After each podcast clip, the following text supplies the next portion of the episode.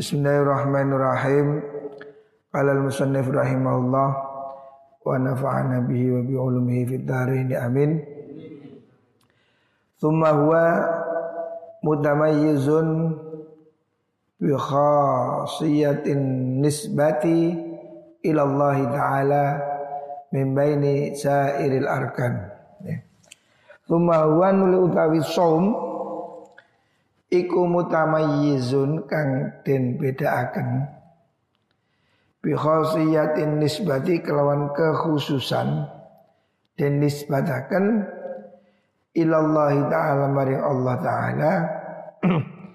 Mimbaini sairil arkani saking antarane sekerini piro-piro rukun. Kemarin mukaddimah Imam Ghazali mengatakan hmm, bahwa puasa ini istimewa. Karena Ramadan, puasa Ramadan itu menempati ranking ya, separuh dari sabar. Sedangkan sabar separuh dari iman. Sehingga puasa itu seakan menjadi seperempat dari iman. Nah, yang kedua disebutkan di sini puasa itu beda dengan amalan yang lain. Maksudnya beda dengan sholat, beda dengan haji, beda dengan zakat. Kenapa? Qala karena dahu sapa Allah taala Allah taala fima ing dalam hadis rawa kang riwayataken oh hakka kang hu ing ing qaul anhu sanging Allah sapa nabiyyu nabine Allah sallallahu alaihi wasallam. Rupane hadis hadis qudsi kullu hasanatin bi asri amsaliha ila sab'i mi'ati dhifin. Kullu hasanatin utai sekabayani kebagusan iku bi asri amsaliha kelawan sepuluh piro-piro kelipatane hasanah. Ila sab'i mi'ati dhifin maring pitungatus tikelan ila siyama angin poso. Fa inna usudni saum ikuli kedua ingsun ingsun Allah wa analan utai ingsun iku adsi balas ingsun bihi kelan mengkuno ini keistimewaan puasa yang kedua Rasulullah Shallallahu Alaihi Wasallam menceritakan sebuah hadis yang sumbernya langsung dari Allah Subhanahu wa taala. Alhamdulillah. Artinya Kanjeng Nabi menceritakan dawuhnya Gusti Allah. Ya. Karena ada yang disebut dengan hadis Qudsi. Allah yang berfirman. Tetapi tidak dalam Al-Quran. Dalam hadis. Rasulullah mengatakan ini hadisnya riwayat Imam Muslim dan Abi Hurairah.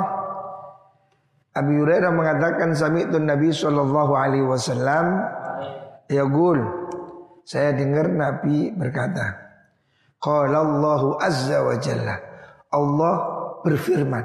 Nah, jadi hadis ini langsung dari Allah. Nabi mendengar dari Gusti Allah. Ya. Allah azza wa jalla kullu amal ibni Adam lahu illa siyam. Semua amalan anak Adam. Semua amalan manusia ya. Mau puasa, mau selain puasa, sholat, zakat, haji, sodako itu untuk dia. Maksudnya langsung berhubungan dengan dia pelakunya. Ya. Hitung-hitungannya langsung. Illa siap kecuali puasa. Puasa ini spesial, beda. Beda dengan haji, beda dengan sholat. Karena apa? Fa innahu puasa ini untukku, untuk aku Allah. Fa ana adzibi, aku sendiri yang akan membalas. Ya. Jadi Allah sendiri yang akan menentukan pahalanya ya wasyamu junnatun. Puasa itu adalah tameng. Ya. Jadi amal ibadah kita selain puasa, namanya sodakoh. Kalau kamu sodakoh 10 ribu, Allah akan memberi kamu ganti 10 kali lipat. 100 ribu sampai 700 kali lipat. Berarti berapa? 7 juta. Ya. Satu amalan itu oleh Allah akan diberi imbalan pahala 10 sampai 700 melihat kebagusannya. Puasa lain. Sholat, oh ini sholatnya khusyuk, oh, mungkin nilainya 500. Gak pakai khusyuk, selawi. Wah, jadi ada Allah yang ngasih 10 sampai 700. Kecuali puasa. Puasa ini tidak terkira. Bisa jadi Allah kasih seribu, satu juta, lima juta, satu miliar. Gitu. Jadi nisbatnya gini loh. Ada pekerjaan itu yang jelas gajinya. Contoh kuli. Kuli ini di mana-mana pasaran berapa? Kuli oh, 50 atau 60 nah, kuli. Kalau tukang 100 itu kan bayaran umum. Tetapi ada pekerjaan khusus. Umpamanya saya punya kerjaan khusus membuat lukisan atau apa yang seni. Saya bilang wis bayaran ini terserah saya. Artinya apa? Bisa jadi tidak 100, 1 juta. Karena ini seni yang bagus. Kalau orang itu puas, bisa jadi gajinya 10, 500, 1 juta kali lipat. Nah gitu. Jadi puasa ini tidak terkira pahalanya. Kalau selain puasa, sodakoh, sholat, haji, semua kebaikan. Itu pahalanya 10 sampai 700. Jadi batasannya begitu. Tapi puasa itu terserah Allah. Karena yang bisa menilai hanya Gusti Allah. Sholat kan kita bisa lihat lah. Oh sholatnya khusyuk, panjang, anteng. Bisa dilihat orang. Tapi kalau puasa kan gak ada yang tahu. Kamu puasa atau tidak kan bisa pura-pura. Pagi ngopi, ketemu teman lemes. Kamu uh, puasa gak sahur aku. Padahal kamu bohong. Kan orang nggak tahu juga. Hah? Kamu tidak puasa tapi ngaku puasa orang juga nggak tahu. Atau kamu puasa ngaku tidak puasa juga orang nggak tahu. Karena yang tahu hakikatnya puasa hanya Gusti Allah. Sodakoh orang lihat, haji orang lihat, puasa yang tahu hanya Allah. Maka yang berhak menilai hanya Allah. Kalau puasa kita itu betul-betul bagus, yang puasa bukan hanya perut, bukan hanya nggak makan, perutnya puasa, mulutnya juga puasa. Artinya mulutnya nggak bergunjing, nggak misuh, nggak maki orang. Nah, apa gunanya kalau perutnya puasa, tapi mulutnya nggak puasa? Apa itu bohong? Nah, percuma. Perutnya puasa tapi mulutnya bohong. Atau telinganya atau matanya. Nah, maka puasa ini gridnya beda-beda. Ada orang yang puasa cuma perut, nggak makan. Ada yang puasa di samping perut juga anggota tubuh. Matanya dijaga, telinganya dijaga, tangannya dijaga. Ada lagi yang lebih istimewa lagi, pikirannya dijaga. Jadi tidak mikir selain Allah. Jadi puasa ini full hanya untuk Allah. Enggak enggak mikir yang aneh-aneh. Oh ini nilainya lebih tinggi lagi. Nah, makanya kata Rasulullah SAW, puasa itu untukku kata Allah. Ya, ini riwayatnya berbagai versi ya. Ada riwayat Imam Majah, ada riwayat Imam Muslim. Jadi Intinya puasa ini punya nilai lebih. Bukan 10 sampai 700, tetapi lebih dari itu ya. Jadi makanya kita puasa usahakan maksimal ya. Ramadan jangan disamakan dengan bulan yang lain. Jadikan Ramadan bulan istimewa. Jangan Ramadan luyur, aduh rugi. Ayo maksiatnya dikurangi. Ramadan nggak ngeluyur, Ramadan nggak bohong, Ramadan nggak maksiat, gitu lah. Ya. Naikkan grade puasa kita supaya dinilai lebih tinggi oleh Gusti Allah. Waqad qala Allah Ta'ala Innama yuwaffas sabiruna ajrahum bighairi hisab Waqad qala teman dawu sapa Allah Ta'ala. Innama yuwaffas sabiruna. Innama yuwaffa ini mesti den tuhoni. Diberi disempurnakan. Sapa asabiruna pira-pira wong kang sabar. Ajrahum ing ganjarane sabirun bighairi hisabin tanpa hitungan. Allah sudah berjanji dalam Al-Quran. Surat apa itu? Surat Az-Zumar ayat 10 Bahwa Allah sudah menjanjikan orang yang sabar Akan diberi pahala yang tidak terbatas hisab Jadi sinkron antara hadis tadi Yang mengatakan puasa untukku Aku yang hitung sendiri Dengan Al-Quran ini Al-Quran juga mengatakan ajrahum bighairi hisab.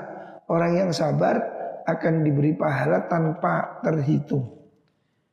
Kenapa puasa termasuk sobirun? Karena kemarin sudah diterangkan as-saumu sobri. Ya. Puasa itu separuh dari sabar. Wasaumu nisfus sobri. Wasaumu tai poso iku nisfus sobri separuh ni sabar. Seperti keterangan yang kemarin. Fakat jawaza teman-teman ngeliwati opo sawabuhu ganjarani sohum konuna takdiri ing aturane kiro-kiro batasan. Jadi sudah di luar hitungan wal hisabilan hitungannya. Jadi puasa ini melampaui ukuran yang umum. Ukuran umum pahala itu 10 sampai 700 kali lipat. Adapun puasa itu hitungannya terserah Gusti Allah ya. Hanya Allah yang tahu berapa nilai puasa kita ya. Makanya Ramadan kita usaha sebaik-baiknya ya. Ramadan banyak baca Quran. Ramadan iktikaf. Ramadan sodakoh ya lakukan yang terbaik ya wanahika lan nyukubi ing fi ma'rifati fadlihi ing dalem ngawruhi keutamaane saum apa qauluhu dawi Rasulullah sallallahu alaihi wasallam rubani dawu walladzi nafsi biyadih walladzi demi Nafsi kang utawi awak ingsun iku biyadihi ing dalam kekuasaane alladzi. Maksudnya demi Allah yang jiwaku ada dalam genggamannya. Nabi bersumpah la khalufu famis ini yakti utawi ambu basine tutuke tutuke mulut cangkeme wong kang poso bau mulut orang yang puasa kamu tahu bau mulut orang puasa itu enak apa enggak? Hah? Orang puasa kan enggak makan. Apa kotak-kotak. Wah, mesti kan ya. Seorang bangun tidur itu kan ya pasti ababnya ya nyegrak ya. Begitu juga orang puasa karena nggak nggak ada minum nggak makan maka aromanya ini mengendap ya mengendap dari dalam itu menguap ke atas ya. Secara umum orang menganggap apa? Bau mulut orang puasa itu tidak enak. Gitu betul? Umum ya, siapa pun tahu lah ya. Tetapi menurut Allah iku atyabu luwih wangi indallahi monggo Allah min rihil miski saking ambune misik. Misik ini minyak wangi terbaik di dunia ya. Misik Minyak yang paling mahal itu misik ya. Di dunia ini misik ini mahal. Loh, maksudnya apa? Bau mulut orang puasa ini kan badan. Gini betul? Nah kok menurut Allah lebih wangi dari misik? Apa Gusti Allah itu keliru lek ngambu? Nah, maksudnya bukan begitu ya. Bukan berarti Allah ini kok beda. Yang lain gak seneng, Allah seneng dewi. ya nggak mungkin ya. Bau ini kan indera kita. Kita ini suka yang harum, tidak suka yang yang kecut, ya kan? Kamu mau nggak suruh nyium kelek? Ya kan nggak, nggak enak. Secara watak kita ini nggak suka bau kecut, bau kaos kaki, ya, bau ketek, orang nggak mau. Bau mulut juga. Coba kalau temenmu habis makan pete, ngapap, wah ini kan pasti kamu eh, ini. Kalau di Indonesia pete, kalau di Arab berambang. Orang Arab makan berambang, berambang Bombay itu, bawang merah itu. Itu orang Arab, Pakistan, India itu seperti kerupuk, kerupuk, kerupuk, kerupuk enak. Itu makanan favorit.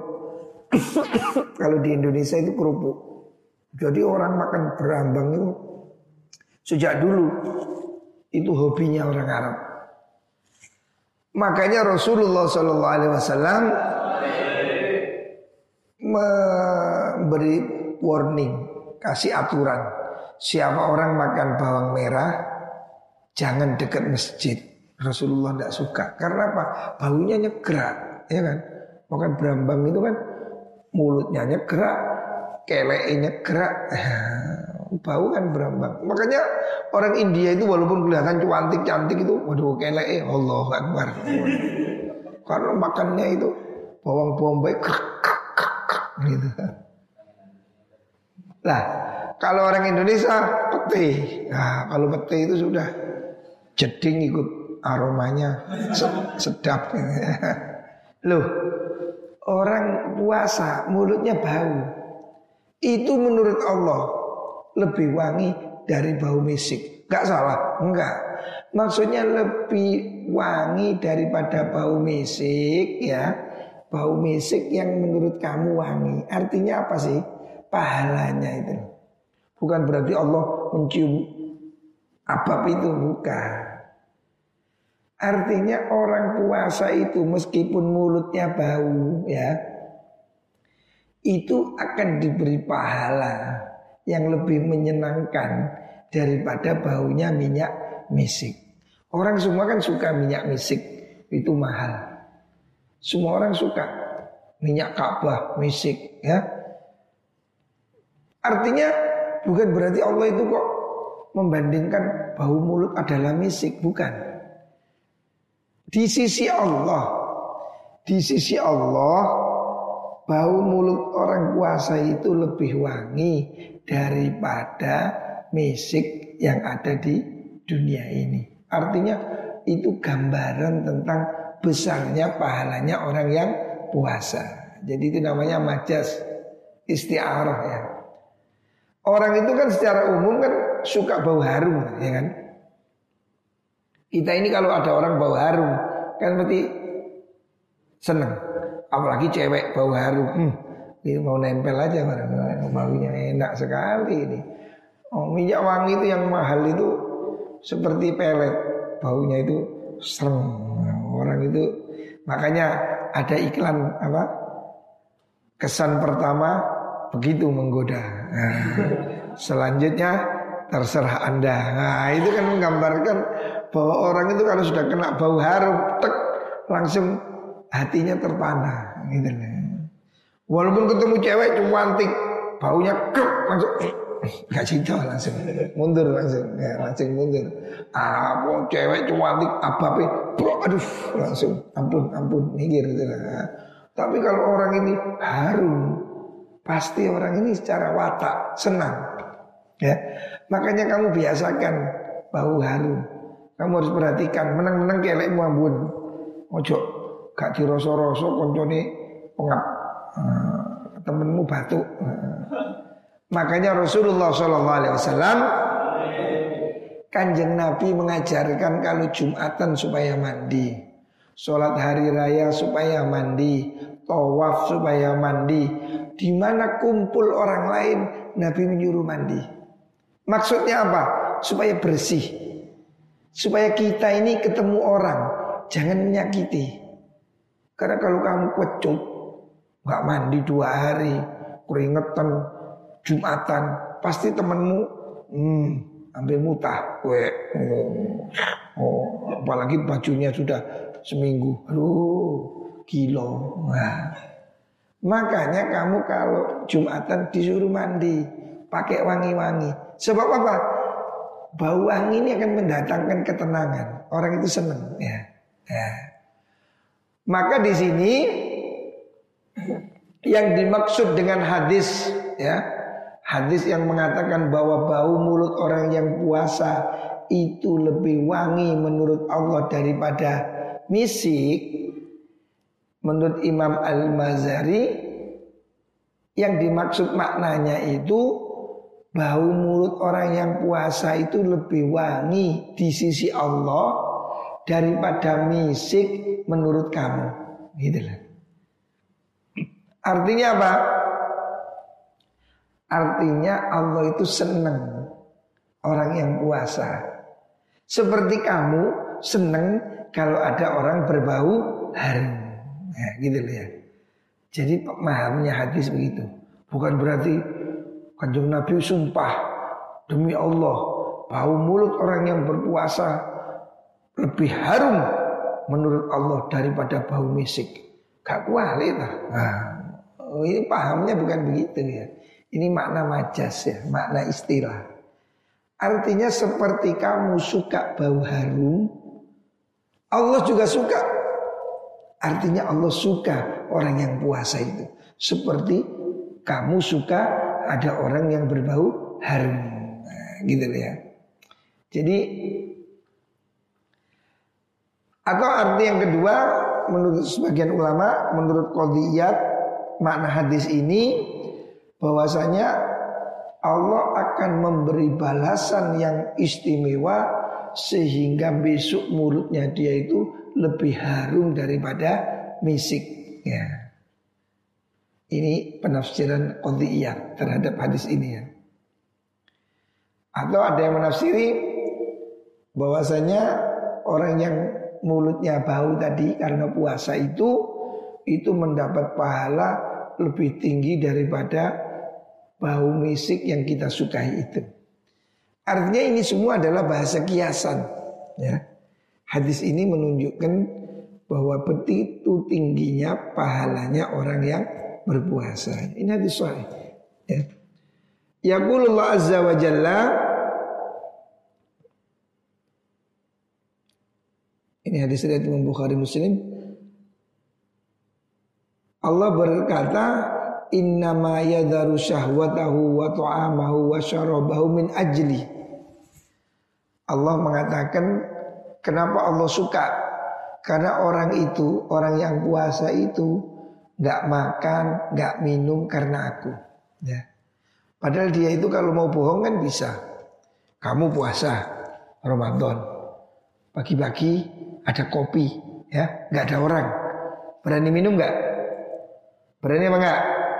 Nggak berani, nggak ada orang. Karena kita takut Gusti Allah. Ini kalau puasa benar. Kalau puasa bohong, ya minum aja. Nanti pura-pura lemes. Hmm, lemes. Enggak eh, sahur aku. Nah, padahal habis sarapan. Nah. Makanya puasa yang benar itu dinilai tinggi sebab apa? Walaupun nggak ada yang lihat ya, di rumah nasi nasinya sendiri, kopi kopinya sendiri, nggak ada yang lihat, nggak ada yang larang, dia tidak makan, dia tidak minum karena takut pada Gusti Allah. Lah ini nilainya tinggi. Di sini takwa itu di sini, ya. Bukan karena takut orang. Kalau takut orang, ya diem-diem wudhu sambil minum orang nggak tahu, ya. Keran bergumur, ke orang nggak tahu, ya. Makanya nilainya tinggi puasa ini. Kenapa kita tidak berani curang? Nasi kita sendiri, kopi kita sendiri, istri kita sendiri, tidak berani nyentuh, padahal istri halal. Apalagi istri orang lain, istri sendiri aja nggak berani nyentuh. Karena kita takut pada Gusti Allah. Lah ini loh yang membuat puasa itu nilainya tinggi. Fasaumuli wa ana ajzibihi. Maka puasa itu untuk saya, karena saya ya. Wa ana ajzibihi dan saya sendiri yang akan membalasnya ya. Jadi ini ini hadis ini menunjukkan betapa tingginya nilai puasa. Ya. Yang benar yang dilakukan karena takwa pada Gusti Allah. Makanya Ramadan itu tujuannya kan Syahrul Ramadan alladzi unzila fihil Qur'an hudal linnas wa bayyinatin minal huda wal furqan. Ayat Al-Qur'an tentang puasa itu akhirnya adalah la'allakum tattaqun. Supaya kamu jadi bertakwa. Karena puasa itu intinya melatih jiwa takwa itu. Kamu berbuat semata-mata karena Gusti Allah. Orang tidak tahu. Tapi kamu tidak makan, kamu tidak minum. Karena apa? Kamu takut pada Allah. Nah ini tujuannya puasa di situ. Ya. Makanya Ramadan ini istimewa. Ya. Wa qala sallallahu alaihi wasallam Rasulullah bersabda dalam sebuah hadis yang lain lil jannati babun yuqalu lahu ar-rayyan la yadkhuluhu illa shaimun ya. Ini hadis juga riwayat Imam Bukhari Muslim. Hadis sahih. Rasulullah bersabda di surga itu ada pintu. Surga ini pintunya banyak ya. Surga ini luas seluas langit dan bumi ya Luasnya berapa? Wah, jangan dipikir. Panjangnya berapa? Allah tidak menjelaskan dalam Al-Quran mendetail berapa kilo, berapa hektar, ya. Tapi Allah kasih gambaran. Wajannatin arduha ka ardis samawati wal ard. Surga itu lebarnya seluas langit dan bumi. Itu masih lebarnya. Lah panjangnya. Lebarnya aja segitu, ya kan? Lebarnya aja sudah selebar langit dan bumi, apalagi panjangnya, ya. Jadi tidak terkira luasnya surga itu. Makanya ada orang zaman dahulu ada riwayat ada orang ini tergoda mau berzina. Dia sudah punya uang transaksi dari perempuan sudah hampir gul sudah sepi di bawah pohon cipluan nah sudah nggak ada orang ya sudah nggak ada orang kemudian orang ini sadar nggak jadi ceweknya heran Wis kadung cucul-cucul gak sido. Loh, kenapa? Kata dia, tidak jadi, saya takut. Kenapa kau takut? Karena saya ingat bahwa surga itu seluas langit dan bumi. Kalau saya berzina hanya orang bodoh yang menukar surga seluas langit dan bumi ditukar cuma 5 senti. hanya orang tolol nggak jadi wis gitu. Saya mau surga yang luas saja. Itu kan cuma 5 senti. Kira-kira ojo diukur betul. Ya, hanya orang bodoh yang menukar surga dengan benda selebar 5 cm atau buh 7 cm palingnya. Masa ono sing selawi senti. Nah, kelebunan tuyul lah. Jadi surga ini sangat luas. Surga itu luas. Ke samawati wal ard. Seluas langit dan bumi. Kalau luasnya segitu, panjangnya seberapa? Ya saya dipikir, wong luas ya salah. Hah? Hah? Jadi luas sekali. Ya. Allah menggambarkan yang tidak terkira. Sama dengan ketika Allah menggambarkan hartanya korun. Korun itu kaya raya. Berapa miliar duitnya? Berapa triliun? Allah nggak kasih gambaran. Waktu itu belum ada PCA. Jadi belum ada dolar, belum ada euro ya. Tapi Allah kasih gambaran kayanya itu udah luar biasa. Bagaimana? Wa atainahu minal kunuzi ma inna mafatihahu latanu bil usbati ulil quwwah. Korun ini saya beri harta Gudang-gudang emas Isinya berapa? Ojo dulu isi nih Gembok itu pikir nah, Gembok itu Inna mafatihahu yang kunci-kuncinya Kuncinya itu lagi Jadi gembok kuncinya itu Latanu ubil usbati ulil kuah Lek digotong wong sepuluh gak kuat Kuncinya itu ada Lah Gudangnya ya apa? Musik kuncinya wis kena dipikul. Ya.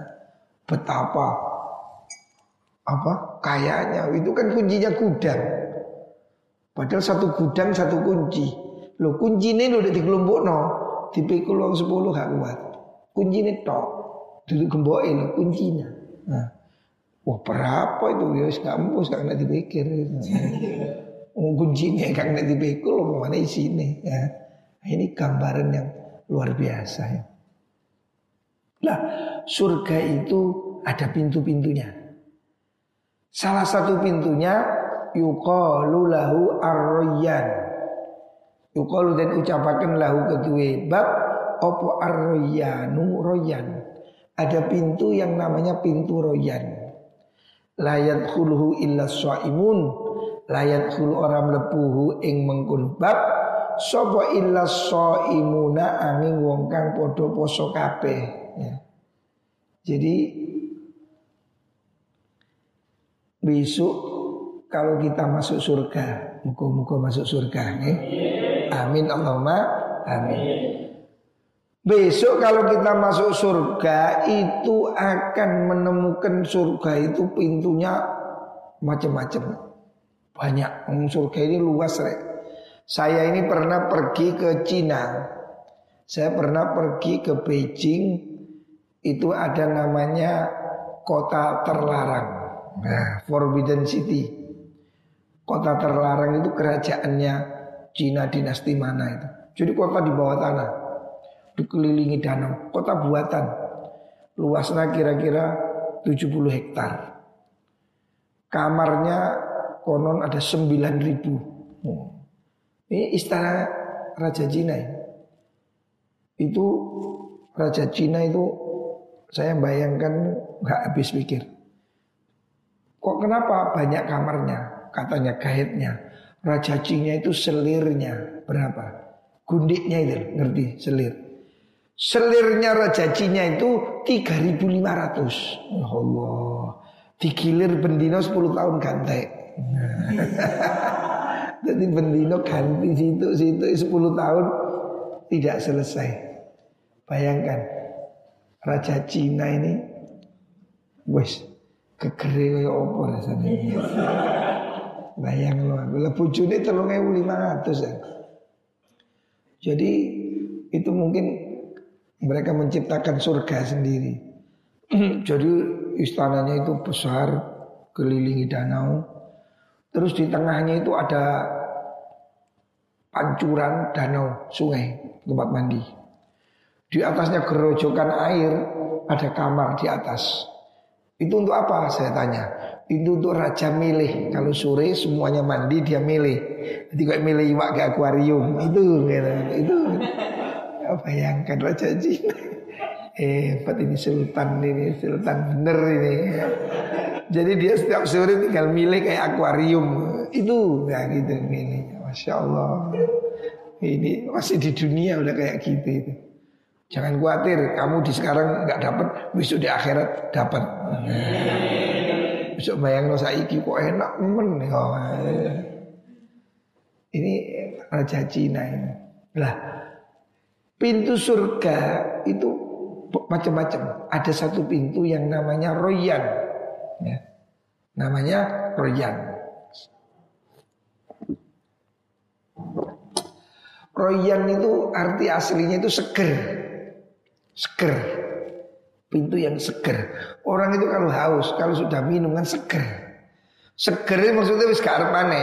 Kon mari melaju terus dikai sprint sak botol rong liter kon wis hmm, wis kayak manis gak wis meker wis mantap jadi orang itu kalau sudah seger itu wis gak arep maneh kayak wong wis ngelak-ngelak panas-panas dikai es teler sak ember.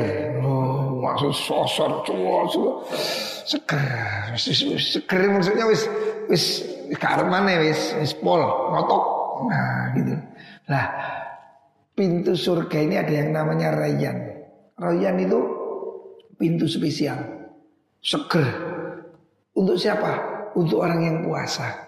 Ya. Tidak boleh sing gak poso gak oleh lewat kuno. Unu unu unu. Siapa iki? Samsul, kata boso, nyengkiri. Kau oleh.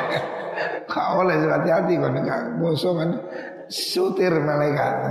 Berarti butuh yang boleh masuk di situ itu hanya orang yang ahli puasa. Ya. Buat seger, pintu seger itu, tukang jobos kue tak seger aja. Tapi nggak boleh masuk. Kalau masuk, siapa kan? Eh, betul betul. Kata boso ini. Hmm. Jadi ada portalnya. Passwordnya puasa. Kalau orang puasa langsung buka klub belum seger. Hanya orang yang puasa. Layak dulu ilah soimun. Hanya orang yang puasa. Karena apa? Ini kesempurnaan tingkat tinggi. Ini apa sih? Karena kita tahu di Arab itu kan tanah yang tandus, panas. Dulu ya zaman dulu. Maka air itu menjadi impian semua orang. Air itu kan nikmat. Makanya surga itu selalu digambarkan tajri min tahtihal anhar. Air mengalir. Karena bagi orang Arab, air mengalir itu sesuatu istimewa. Karena di, di Arab nggak ada sungai, ya. Kecuali di sungai Nil, sungai di Saudi nggak ada sungai. Banyak jembatan tapi nggak ada airnya, nggak ada sungainya. Kalau banjir baru ada air. Jadi sungai ngalir kayak kita ini nggak ada, nggak ada sumber ya sulit, nggak ada sungai di di Saudi nggak ada. Sungai adanya ya di Baghdad, di Mesir. Makanya orang fantasi indah bagi orang Arab itu su air. Air yang mengalir, jernih. Makanya besok orang yang ahli puasa ini dapat pintu spesial. Namanya pintu Rayyan ya. Yang masuk hanya orang yang puasa. Ini hadis sahih riwayat Imam Bukhari Muslim. Ya. Mana tadi? Ila so'imun. Wa huwa mau'udun biliqa'illahi ta'ala fi jazai saumi. Selanjutnya keistimewaan puasa ini apa lagi? Wa huwa utai wong so'im iku mau'udun ten janjeni biliqa'illahi ta'ala kelan ketemu Allah ta'ala fi jazai saumihi ing dalam balesane posone soim. Ini pahala yang spesial lagi. Kenapa puasa itu istimewa? Karena siapa yang puasa itu diberi janji khusus dia akan langsung bertemu dengan Allah Subhanahu wa taala. Ini spesial. Kalau orang itu sudah ketemu Allah ini sudah puncak tertinggi. Surga nggak ada nilainya. Surga tidak ada nilainya dibanding bertemu dengan Allah Subhanahu wa taala. Jadi besok kita ini akan ketemu dengan Allah. Dengan cara apa? Kita tidak tahu ya. Ya, tapi kita itu akan melihat ila ila rabbiha nadhir. Kita akan melihat Allah. Tapi tidak seperti saya melihat kamu pakai mata begini ya. Kita tidak tahu karena Allah bukan benda ya. Jangan dikira Allah itu kayak TV bisa dilihat begini, bukan. Tetapi pasti besok kita akan melihat Allah dan itu puncak segala nikmat. Surga tidak ada nilainya. Sama dengan kamu ke istana. Saya udah sering ketemu presiden. Istana itu indah. Tetapi keindahan istana nggak ada artinya kalau dibanding ketemu presiden. Ketemu presiden jauh lebih menyenangkan. Foto presiden salaman, uh foto, wis bangga orang itu. Mulai disangoni tambah seneng mana? Istana kan cuma didelok tok, kira itu mulai. Jadi orang masuk surga besok itu belum belum sempurna. Belum suarga itu belum belum belum spesial. Yang tertinggi ya, yang tertinggi dari nikmat itu ketika kita bertemu dengan Allah Subhanahu wa taala. Itu sudah puncak indahnya terindah sudah ya. Ya kayak kau nang omai pacarmu, masuk seneng ketemu omai tok. kayak apa? Ketemu si dia itulah yang lebih penting. Ya, maka ketemu Allah itu maha kekasih. Ya, itu puncak kenikmatan tertinggi. Nah itu dijanjikan untuk siapa? Orang yang puasa. Qala sallallahu alaihi wasallam Rasulullah bersabda imi farhatan imi iku kedue wong kang poso farhatani utawi kebunga-bunga luru Orang puasa mendapat dua kebahagiaan ya. Apa itu? Satu farhatun inda iftarihi. Yang pertama kebahagiaan ketika berbuka. Berbuka itu kan enak tuh rek. Wong kate buka koyo yo yo. Kolek sirup teh kopi koyo kate diuntal. Mau ejo. Segone sak gunung. Jangan nih sak tumbuh. Waduh, bueneng. Kati, kati mau buka orang kan sudah bahagia sekali. Bahagia orang mau buka itu sudah senang. Mau hari raya senang ya. Itu kebahagiaan yang pertama. Wa farhatun dan kebungaan. Farhatun rupani kebungaan inda iftarihi nalikane bukone wong soim. Wa farhatun lan kebungaan inda liqa'i rabbihi nalikane ketemu pangerane soim ya. Ini hadis riwayat Imam Bukhari dan Muslim. Jadi semua hadis sahih. Sejak tadi ada empat hadis yang kita baca itu semuanya hadis riwayat Bukhari Muslim. Makanya siapa bilang ihya hadis dhaif ini hadis riwayat Imam Bukhari Muslim semua ya. Jadi Liswaimi Farhatan ini diriwayatkan Imam Muslim, diriwayatkan Ibnu Majah, ya, diriwayatkan Imam Bukhari. Ya. Ini hadis sahih bahwa orang puasa akan dapat dua kebahagiaan. Satu, dia bahagia ketika berbuka. Yang kedua, dia akan bahagia indali rabbi ketika dia nanti bertemu dengan Gusti Allah. Ya. Artinya apa? Orang yang puasa ini akan dapat jaminan spesial. Dia akan dipastikan masuk surga. Karena ketemu Allah itu tidak mungkin. Kalau tidak kalau nggak masuk surga ketemu di mana? Maka ketika oleh Rasulullah dijanjikan orang yang puasa nanti akan bertemu dengan Allah, artinya dia pasti akan masuk surga. Maka muka-muka kita semua ini bisa berpuasa dengan baik. Muka-muka kita termasuk orang yang bertemu Allah kelak di surga. Amin Allahumma amin. Wa qala sallallahu alaihi wasallam likulli syai'in babun wa babul ibadati as-saum ya. Hadis lain Rasulullah sallallahu alaihi wasallam mengatakan likulli syai'in babun. Semua tempat ini ada pintunya ya. Semua tempat ini pasti ada pintunya ya. Ya rumah ada pintunya, Gua no pintune, hotel ada pintunya ya. Di kulisain babun. Semua tempat ini ada pintunya. Wababul ibadati asum. Pintu ibadah adalah puasa. Jadi jalan beribadah itu dengan puasa. Karena dengan puasa orang kemudian menahan nafsu, ya, menghilangkan maksiat, menjadi lebih dekat pada Allah, ya. Ini hadis ini diriwayatkan oleh Ibnu Mubarak dalam bab zuhud ya. Diriwayatkan juga Abu Syekh dari Abu Darda meskipun sanatnya dhaif. Tapi tidak ada masalah. Hadis dhaif bisa digunakan untuk fadhailul amal. Ya. Jadi pintu ibadah itu adalah puasa. Wa qala sallallahu alaihi wasallam ada juga hadis yang diriwayatkan kanjeng Nabi naumus shaimi ibadatun. Naumus shaimi utawi turune wong kang poso iku ibadah dan ibadah. Nah, turunnya ibadah. Terus turun toman. Nah, bukan berarti kemudian oh kalau begitu puasa tidur aja. Itu juga begitu ya. Puasa itu bernilai apa? Tidurnya orang yang berpuasa itu bernilai ibadah.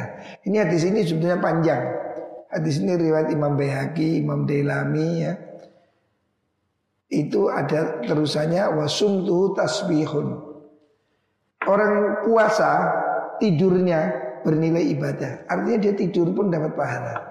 Karena dia tidur dalam keadaan puasa, itu dapat pahala. Wasum tuh tasbihun. Diemnya dia, dia diem gak kakean ngomong poso meneng ya bis meneng aja dulu meneng aras-arasan dijak ngomong meneng Gak tulit. Hmm. Gak mangan. Hmm. Luwe. Hmm. Meneng toi lo. Aras-arasan ngomong tasbih. Ya. Ya. Wa ilmu mudhafun. Ilmunya ditingkat dilipat gandakan. Wa du'ahu mustajab. Doanya dikabulkan Allah. Wa dzambuhu maghfur. Dosanya diampuni. Jadi orang puasa ini spesial ya. Turunnya wis ibadah. Artinya bukan berarti aku tak turun tok ibadah Turunnya ibadah. Mana ngaji nih ngono loh maksudnya. Kok turunnya ibadah wis tak turu ae ngono ojo Tidurnya aja ibadah, apalagi ibadahnya ya. Jadi ini hadis ini memang derajatnya doif, tetapi ini diriwayatkan oleh Imam Al-Baihaqi ya. Artinya ada keistimewaan orang puasa itu walaupun seandainya tidak mengapa-mengapa itu sudah dapat pahala. Tadi poso mari subuh turu, duhur tangi sembayang turu mana, asar sembayang turu mana, maghrib tangi mangan, masih bahaya ya iso ini. Cari malaikat turun tok. oh, yang ini yang masih bayi yang kuat. Tapi bukan apa, tidak apa-apa. Seandainya orang itu turun tok ya sih nggak apa Apalagi nggak turu. Tahajud, baca Quran, wiritan. Ya lebih bagus lagi gitu loh. Ya. Tapi bukan berarti harus tidur tok. Gak produktif turu. Eh. Mari subuh turu, tangi isak. Ya gak luwe. Oh, turu dong stop ya. Ya sebaiknya jangan tertidur terus. Turu toh ya masih bahaya ya iso. Maksudnya ya puasa ini supaya tetap produktif ya. Artinya walau puasa ya tetaplah ya ngaji, ya sekolah, ya bekerja tetap berbuat baik ya. Apalagi berbuat ibadah lebih tinggi lagi gitu ya. Tetapi tidur pun juga ibadah. Maksudnya tidur ibadah itu ya dia kan dengan tidurnya itu kan puasanya nggak batal, nggak berbuat maksiat gitu ya. Muka-muka kabeh diparingi panjang umur, sehat ya. Kita berdoa semoga Ramadan ini disempurnakan oleh Allah Subhanahu wa taala. Semoga corona ini sudah dihilangkan ya. Karena kasihan saya bayangkan Ramadan ini kalau masih kuruna kan repot. Teraweh. Ya kalau kita teraweh nggak masalah. Tapi kampung-kampung masjid banyak yang tutup. Walaupun pasar masih buka. saya heran orang ini kok ke masjid takut tapi ke pasar berani kan heran saya ini. Ke pasar berani, ke ATM berani, ke mall berani. Ke masjid takut. Apa masjid ini kalah bersih sama pasar. Ya. Ini kan kasihan orang itu. Ya. Sampai nggak ada yang berani ke masjid. Tapi masih berani ke pasar. Ya, ya apa? Padahal kalau ke masjid ini mandi. Jumatan kan mandi. Kalau ke pasar. Ya tangi turu durung cewek nang pasar. ya. Tidak tahu logikanya harusnya kalau orang itu tidak berani ke masjid, juga berani ke pasar. Nah itu konsekuen itu. Ya nggak berani ke kafe, nggak berani ke warung, nggak berani ke masjid. Long Ke kafe berani. Ke pasar berani. Ke hotel berani. Ke masjid takut. Yo, apa ini? Ya, ini yang menyebabkan corona nggak hilang-hilang ya. Banyak orang yang ingin segera hilang corona tapi bukan karena rindu masjid, rindu kafe. Selak kepingin ke kafe, oh kayak hilang-hilang coronanya gitu ya. Kita ini ingin rindu ke masjid ya. Moga-moga corona ini segera diangkat oleh Allah. Semuanya kita diberi sehat ya. Kita ini sedih, kasihan anak-anak di rumah. Saya khawatir ya kalau yang wali muridnya open, anaknya suruh ngaji, anaknya diawasi. Lalu sing wali muridnya sibuk, anak keluyuran, kan rugi. Dua bulan nggak ngaji rugi. Makanya kita minta semua santri di rumah supaya ngaji online ini. Ya alhamdulillah ada ngaji online ini teknologi ini ya. Gusti Allah memberi teknologi online ini sudah lumayan ini. Bisa ngaji dari Papua, kan ada anak Papua, ada anak mana? Iku ada Papua kayak mulai ya. Papua karena lockdown, jadi tidak ada pesawat. Ya, ya nggak apa-apa sudah, kamu di sini aja. Ini daerah-daerah ada yang ditutup.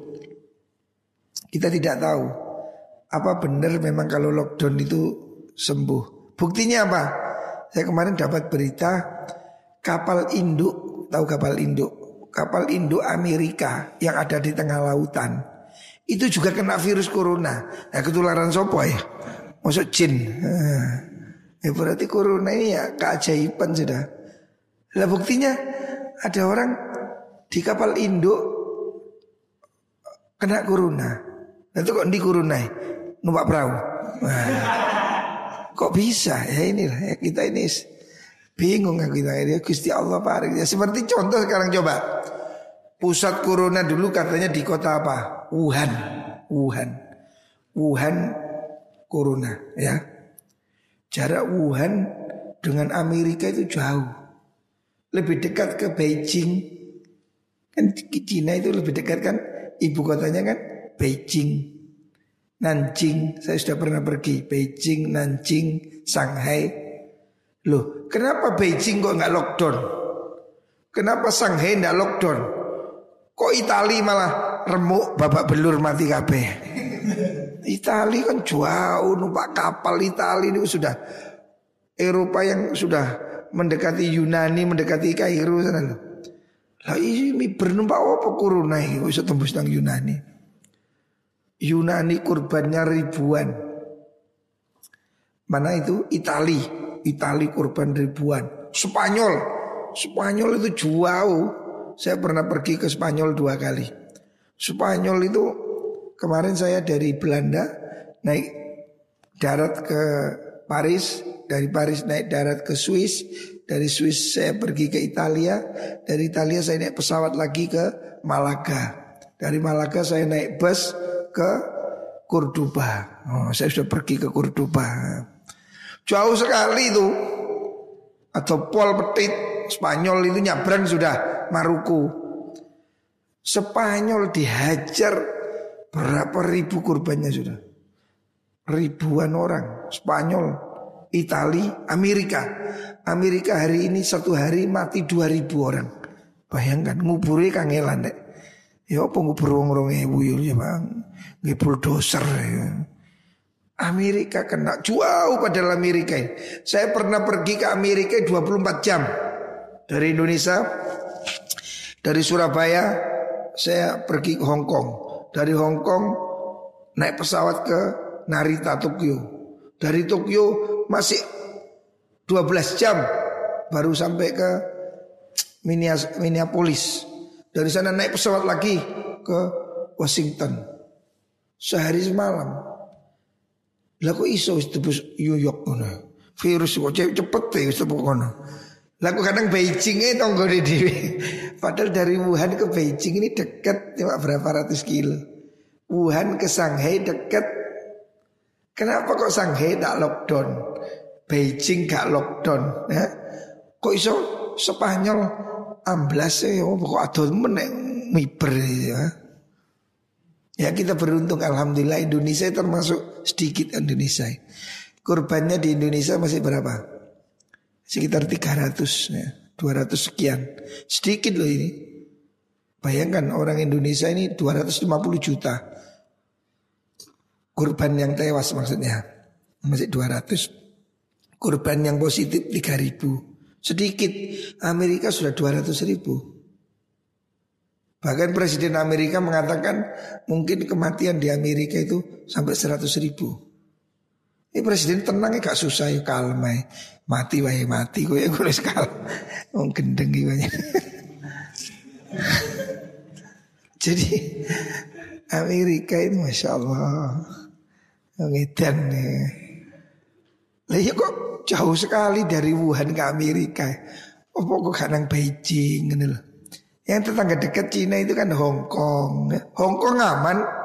Saya ada teman di Hong Kong. Saya tanya gimana di Hong Kong? Aman. Biasa sehari-hari. Cuma semua orang pakai masker. Semua pakai masker. Terus cuci tangan dan seterusnya. Hong Kong aman. Padahal Hong Kong sama Cina itu Madura Surabaya. Ya. Ya berang titik isan. Aman itu Hong Kong. Lah kok Amerika kelepek-kelepek Nah, iswaya ya, saya pikir memang Amerika ini waktunya dikasih pelajaran sama Gusti Allah ya. Jika gemede, dia dulu nyerang mana? Irak, nyerang Libya, nyerang eh, kapok muka pandai, serang virus ya. Ya oleh iso sing mati tambah ngono. Supaya tahu rasanya diisolasi. Ya inilah keadilannya Gusti Allah. Cuma kita berharap semoga Indonesia dan semua negara-negara Islam khususnya Saudi Arabia ya susah kalau Indonesia bebas. Saudi enggak. Kayak lu kaji rek. Ya apa kati lu kaji nang di kan enggak bae mak kayak kono tok are Gak pakai Papua ya gak payu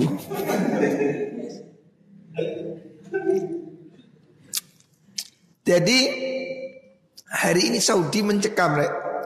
Saudi lockdown, Mekah lockdown, Medina lockdown bahkan jam malam. Jadi orang jam 3 sore tidak boleh keluar rumah, tangkap, tidak boleh keluar di dalam rumah. Jadi orang kayak di penjara. Ini sudah ada ancang-ancang haji tahun depan ditutup. Jadi tahun ini tidak ada haji, tidak ada umroh, tidak ada haji. Ini yang sedih kita ini. Bagaimana haji ditutup ya kan susah ini. Uang haji dibuka aja antrinya itu loh. Istelung bulu tahun saya kira daftar haji. Jadi kalau kamu daftar sekarang naik haji sendiri anak limo. Naik daftar wah sembuh nutut orang kan. Saya aja daftar anak-anak saya ini tahun 2014. Itu mungkin bisa naik haji tahun 2030. Kalau daftar hari ini 2000 berapa ini? 20 mungkin naik hajinya tahun 2050. Lek si urip ya, lek si urip ya. Waduh haji ini antri udah. Lah terus ditutup setahun. Ah, tambah mundur mana tambah. Ya kasihan ya. Hanya kita doakan muka-muka ya segera diangkat bala ini oleh Allah Subhanahu wa taala. Semoga kita semua diberi kesehatan lahir dan batin. Yang sakit semoga diberi kesembuhan oleh Allah Subhanahu wa taala.